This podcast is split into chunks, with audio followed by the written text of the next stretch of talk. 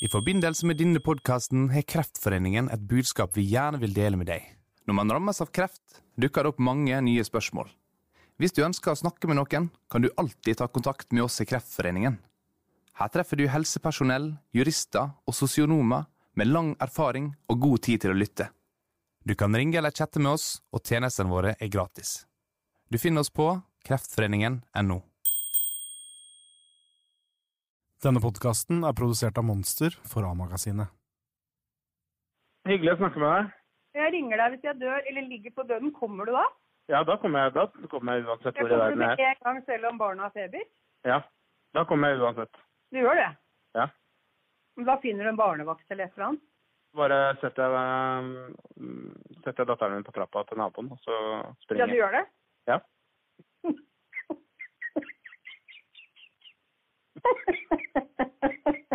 ok. Det er bra. OK. Ha det. Ha det. Ha det. Ha det.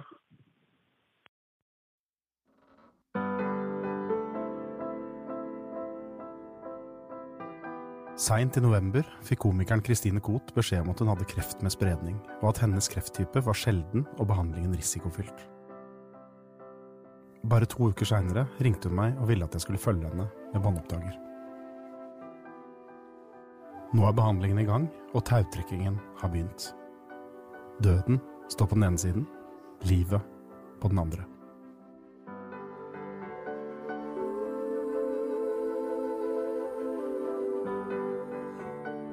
Jeg heter Joakim Førsund, og dette er første del av podkasten Kot vil leve.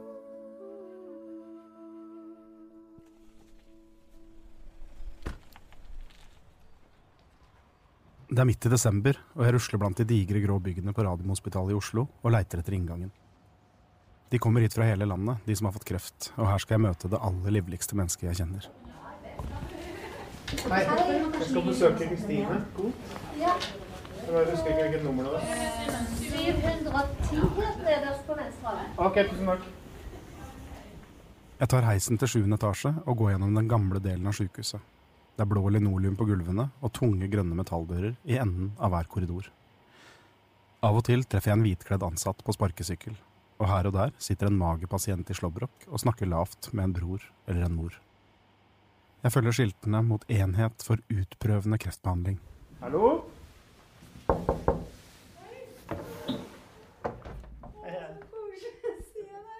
Jeg kjenner ikke Kristine godt, men jeg kjenner henne litt. Vi har jobba sammen og har felles venner, og i mange år bodde vi på hver vår side av en park i Oslo.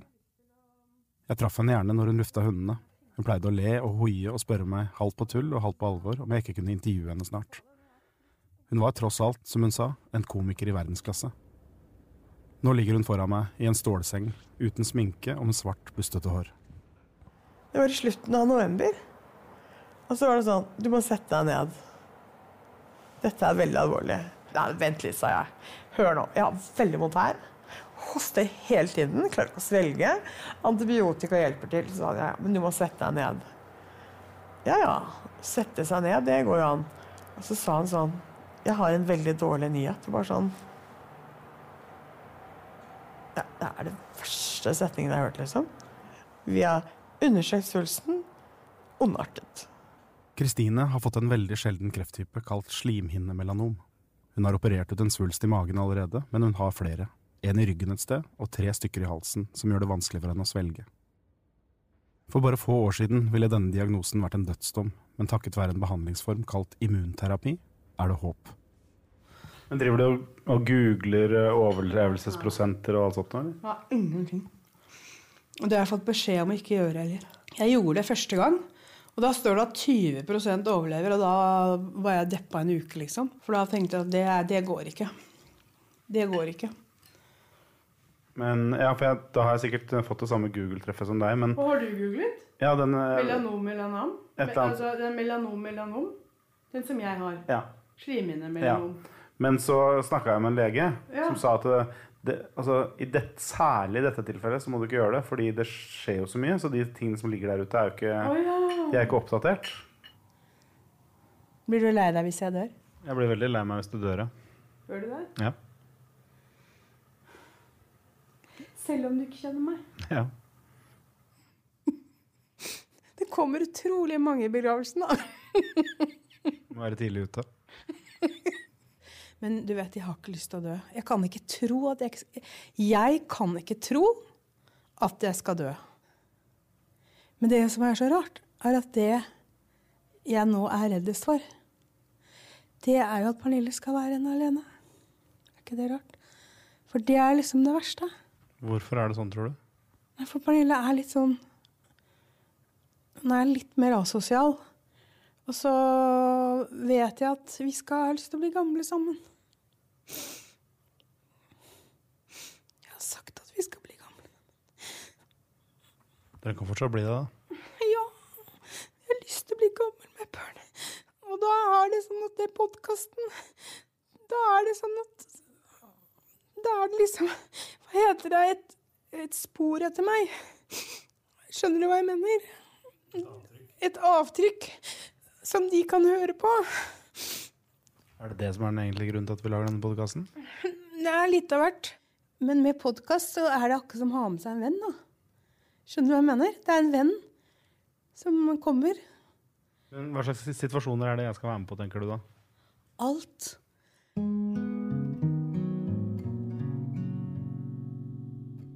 Med alt mener Kristine alt. Være med på behandling, være med hjem til Tønsberg, overnatte i annekset, møte mamma, Pernille, søsteren Jeanette, hundene. Være med når det er lyst, og være med når det er mørkt. Jeg må bare ta sånn, jeg tar en sånn klunker. Jeg drikker jo kanskje litt mye kortisan, også, men eh, det er det som er deilig når man er kreft med spredning, og de er veldig sånn greie med medisiner. At jeg er jo litt sånn Jeg er jo litt medisinglad. Altså, altså, jeg er sånn, hør nå. Hvis jeg har det vondt, så skal jeg bare ta imot det jeg får. Hei. Er det noe som kommer? Hva står det der? Nei, for nå har jeg laget en sånn oversikt til deg. Sånn at Om du vitaminer. Nei. Medisiner, ja. Ja, ikke sant? Sånn som i morgen. Ja, dette er morgenmedisiner. Ja, det er morgen. Ja. Middagsmedisin, det var den brustabletten. Ja. Kveldsmedisiner. Ja. Og så natt, altså sovetablett. ja, men da teller vi nå, skjønner du hva jeg mener. For da er det morgen, formiddag, ettermiddag og kveld. Det var lørdag. Søndag Før jeg forlot henne der, på rom 710 på Radiumhospitalet, avtalte vi at vi skulle treffes igjen en av de nærmeste dagene. Jeg ligger jo bare her, jeg, sa Kristine. Men så slutta hun å ta telefonen. Hun svarte ikke på tekstmeldinger, og det blei jul, og det blei nyttår, og jeg ante ikke hvor hun var, eller hva som hadde skjedd. Inntil jeg ble oppringt av en av Kristines venninner. Hun fortalte at formen var blitt vesentlig verre. At Kristine hadde mista bevisstheten, at hun hadde falt ut av senga og snakka vrøvlete, og til slutt, i romjula en gang, hadde legene innsett at Kristine ikke hadde tålt dosene med morfin, og at hun måtte bringes tilbake til bevissthet med motgift.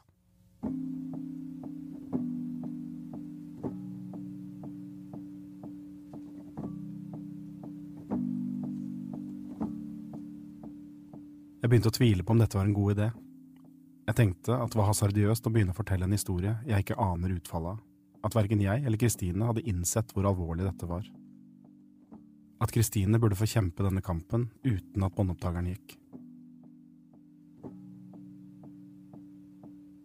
Men så ringte hun. Hun hadde ridd stormen av, flytta hjem igjen, og nå ville hun at jeg skulle komme og besøke henne hjemme i det gamle trehuset i Tønsberg. Du og mamma kan ta toget sammen, sa hun. Hallo? Det er eh, konduktøren om bord som på vegne av togpersonalet og NSB vil få ønske velkommen til dette regiontoget som går via Drammen, Vestfoldbyene og Kristines 74 år gamle mor, Kirsten Koht, kommer på toget i Asker, og hun innrømmer at hun har vært usikker på denne podkasten, hun også. Så det at hun liksom er så kjapp nå på å få deg ned, det sa jeg til henne. Er ikke det litt tidlig, Kristine? Hadde det ikke vært lurt nå å bare ventet liksom over neste uke, sånn at du landet litt i Tønsberg? Men det er jo Kristine i et nøtteskall, ikke sant? Så det er det jeg er litt redd for, at dette er litt tidlig. Og at hun blir oppskjørta av dette her. At hun farer opp i feber i kveld. Altså at det blir too much. Men kan ikke du følge litt Jeg med, Jeg følger med. Jeg skal si fra, jeg. Til deg og si nå tror jeg det Nå må du holder. Ja, ja, ja, men du, det er ikke noe problem, det. Nei, nei. Jeg er trygg på deg, jeg. Ja. Er det nesten sånn at dere inntar sånn mor og barn-forhold igjen, ja, eller? Ja, ja. Hun har sagt det selv, at jeg er blitt mammadalt, er mamma sin. Det er veldig søtt, altså. Men altså, min andre datter sa forleden er det litt godt for deg, mamma? Så sa jeg godt er vel et helt feil ord. dette er ikke noe godt i dette her, men det, det er fortvilende. Men jeg gjør jo det jeg kan. Selvfølgelig så er det sånn grunnleggende at det er godt å være At noen trenger det. Eh, Men eh, egentlig skulle rollene vært snudd litt opp ned. Det er meg som skulle fått denne hjelpen av Kristine. Altså, det er jo jeg, det er min tur til å dø. Det er ikke Kristines tur til å dø. Ikke sant? Er du redd for at hun skal dø? Ja, veldig. Veldig. Selvfølgelig er jeg redd for det. Det er en veldig alvorlig sykdom. Veldig alvorlig. Snakker dere om det, eller? Ja, vi har begynt nå å snakke litt om det. Kristine er redd selv òg, hun. Men hadde det ikke vært for disse her grusomme kreftsklumpene som hun har i halsen, så tror jeg hun faktisk hadde klart det bedre. Men prøv å forestille deg, du har fått kreft med spredning. Og så har du kreften i halsen. Du kjenner den hele tiden. Altså, du skjønner, den er så nær deg. Så jeg mener, hvem som helst kunne vel fått angst og bli vettskremt av det. Så Nei, nå handler, det, nå handler det om å komme til neste immunterapi. Altså, det er, vi, har sånne klare mål. Og det er om to uker. Og for å få den, så må hun være i form. Hun må ikke ha spist mye Paracet, for den går på leveren. Men betyr det at det er ikke sikkert at hun får den neste immunterapien? Det er aldri noe sikkert her. Det er ingenting som er forutsigbart. Og det, men bare så jeg forstår det riktig ehm, Hvorvidt du får det eller ikke, det handler om hvorvidt kroppen er i stand til å Ja, ta det imot? helt riktig. Tåle det, rett og slett? Kroppen må ha en viss verdi eller grunnmur å stå på for å kunne ta imot den. Og når hun får tredje, så er det om å gjøre igjen å komme inn i den fjerde runden. Og etter den fjerde så vil hun få vite om immunterapien virker. Ja. Så bare det å leve med det nå, at hun vet ikke engang om den virker, Og hvis den ikke virker? da virker den ikke. Da er, da det ikke er det ikke, da er det ikke noe mer? Nei.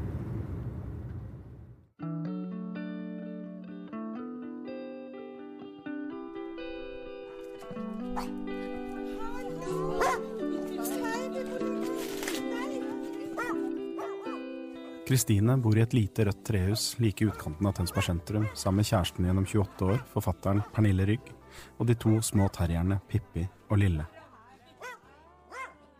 Inne i det store, åpne kjøkkenet lukter det blomster og te. Den ene veggen er dekka med røde og oransje fliser, den andre med en enorm bokhylle fylt med buddhaer, engler, lampe forma som dyr og bøker sortert etter farge. Det er friske blomster overalt, og det store spisebordet er fullt av levende lys. Mamma, hva er det du driver med? Å ja. ja, mamma sitter og lager Vi skal lage appelsinmarmelade.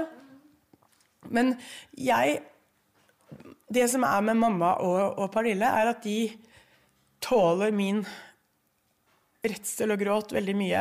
For jeg er jo aldri det, er, det er mange som sier til meg at du er så ærlig og personlig, men jeg skal si deg en ting. Jeg.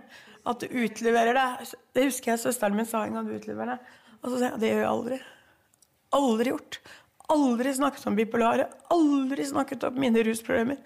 Aldri fortalt noen ting. Og ikke bare sånne ting, men jeg snakker om hvor redd jeg er. Eller jeg, jeg er egentlig, selv om ingen vet det, så jeg er veldig privat. Men det som, var, for eksempel, det som er viktig for meg, det er derfor jeg synes, det er derfor jeg har litt lyst til å være med og lage denne podkasten, for det er så deilig å få litt avstand.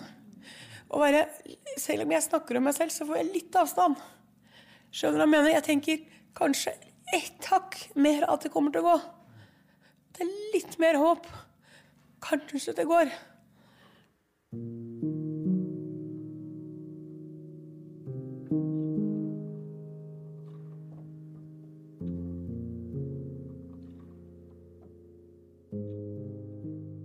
Kristine støtter seg til bord og benker når hun beveger seg rundt i det gamle huset. Det er bivirkningene av immunterapien. Hun skjelver på hendene, hun mister ting, hun snubler. Selv de enkleste og mest hverdagslige gjøremål er plutselig veldig kompliserte. Jeg klarer ikke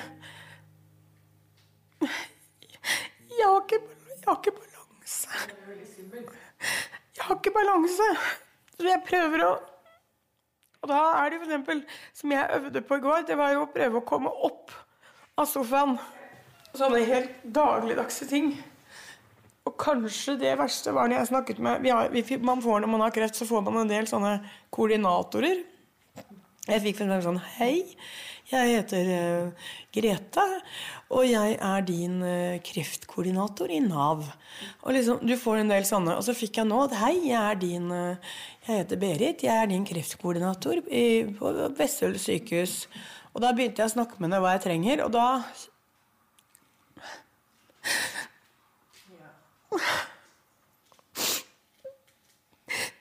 Og da tenkte jeg at jeg må ha en rullator.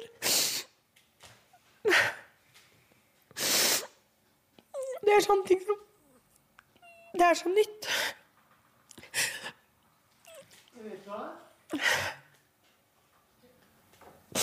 Skal jeg skru av? Nei, nei, nei. absolutt ikke. Aldri skru av. Du kan bli med meg overalt. Hver dag kan du bli med. Hver dag er en ny gråtedag. Jeg snakket med mannen om det, og han Altså, var enig i Rent rullatorfaglig så tror jeg det er det dummeste du får. Altså, tenk deg å gå ut på isen her nå med fire hjul. Altså, det, er, liksom- det, det er farligste du kan gjøre.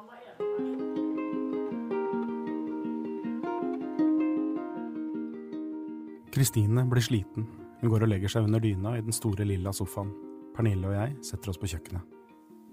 du må best, altså man må bestemme seg for å tro på at det skal gå bra, ikke fordi du på en måte tror det, men du kan velge å si til deg selv at jeg, det, det tror jeg nå den første, de neste ti minuttene, eller den neste timen, bare for at den skal oppleves litt bedre. Hvis ikke så kan du jo Så er det liksom herfra og til du skal dø, så kan du jo egentlig være redd for å dø.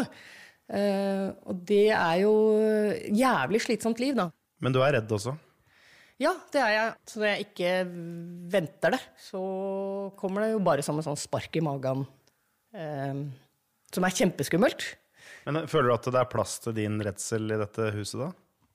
Ja, jeg tror nok kanskje egentlig at Kristine Kristine hadde nok bare vært glad for at jeg slapp det til litt mer. For at uh, hun uh, kan nok noen ganger få følelsen av at eh, eh, fordi jeg liksom sørger for at sånn, å, nå må vi ha en viss kontroll på livet vårt her, dette skal liksom rulle og gå, selv om nå er, dette er en utfordring, så kan jo jeg virke som jeg er litt eh, lite emosjonell. Og det er jeg nok. Altså, jeg er jo mye mindre emosjonell enn det Kristine er. Eh, men det betyr, jo ikke at, eh, betyr jo ikke at jeg ikke er redd for at hun skal dø. Uh, og de gangene jeg slipper det til, så blir hun egentlig litt letta, på en måte. Eh, eh, så er hun helt sikker på at jeg også er redd for det. for, ja, for hun vil jo ikke at jeg, at jeg skal ha glemt at dette er farlig. Kristine forsvant litt fra meg etter eh, at jeg traff henne første gangen. Jeg fikk ikke kontakt med henne, og så i etterkant har jeg skjønt at eh, det oppholdet på Radiumhospitalet i romjula, det var ikke noe særlig. Kan du bare si litt kort om hva som skjedde? Nei, da fikk hun eh, veldig Hun fikk et svært sår på tunga, som er en ikke uvanlig bivirkning av å ha eh, kreft i halsen. Og plutselig fikk hun så dritvondt. Hun fikk rett og slett for mye morfin. Eh, og ble innmari surrete. Eh, hadde jo ikke da vondt, men var trøtt, surrete, hun hallusinerte. Og så fikk hun jo så mye at hun måtte få motgift. Eh, Kan du beskrive hva, altså, hva konkret er det de gjør da? da gir de eh, Det er sånn som de gjør med narkomane, tror jeg, som har overdosert. Da får du et eh, stoff som eh, hindrer eh, morfinen fra å virke. Og det, tror jeg, det virker som det skjer imma fort, at du bare får den sånn bang. Eh, og da kommer du fra en situasjon hvor du er helt forvirra, eller helt ute, var hun vel, eller helt slått ut. Eh, våkner til at du ikke aner liksom, noe om hva som hvor du er, hvem som er rundt deg, og alle smertene er tilbake. Og det tror jeg er en helt jævlig opplevelse. Når jeg våknet fra den første overdosen, og så, og så våkner du, du får en sprøyte, så var hele rommet fullt av folk. Altså Jeg var så redd at jeg Skal de bare opp? Skal de bare opp? For de piper sånn. Men, men de er liksom ikke med i denne serien. Men, eh, men da var jeg så innmari mye redd også fordi jeg hadde mye assosiasjoner, hallusinasjoner. Så sa jeg du driver tortur. Jeg skal melde deg til kongen og dronningen. Skjønner, skjønner du hva jeg mener?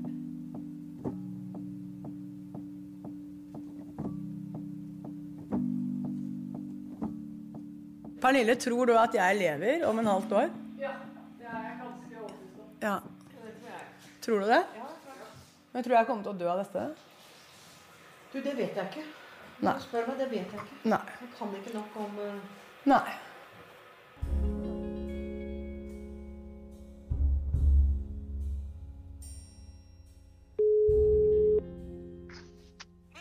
Nå hørte jeg det. Ja. Jo, absolutt alle rundt meg Mhm. For å trøste, sier de. De tror at jeg kommer til å overleve dette. ja. Og jeg er den eneste, det er kanskje fordi jeg har kreft, jeg er den eneste som tenker Nei, det er ikke sikkert, liksom. Tror du også jeg vil overleve, eller? Jeg har ikke peiling. Nei, så altså, du er den eneste som har sagt det. Ja, men jeg har på en måte ikke noen holdepunkter for eh, noen av delene. Hvis du skjønner hva jeg mener? Jeg er glad for at ikke alle rundt meg har det svaret. Ja. Ja.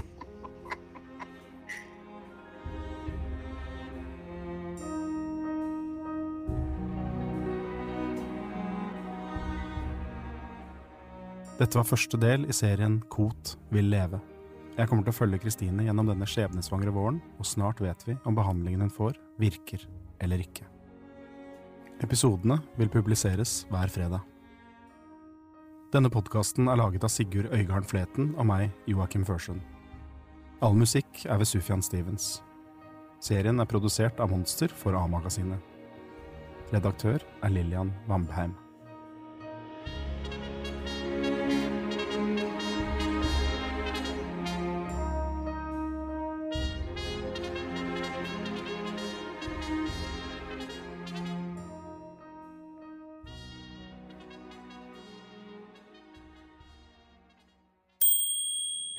At du alltid kan ta kontakt med oss i Kreftforeningen hvis du ønsker å snakke med noen. Her treffer du helsepersonell, jurister og sosionomer med lang erfaring og god tid til å lytte.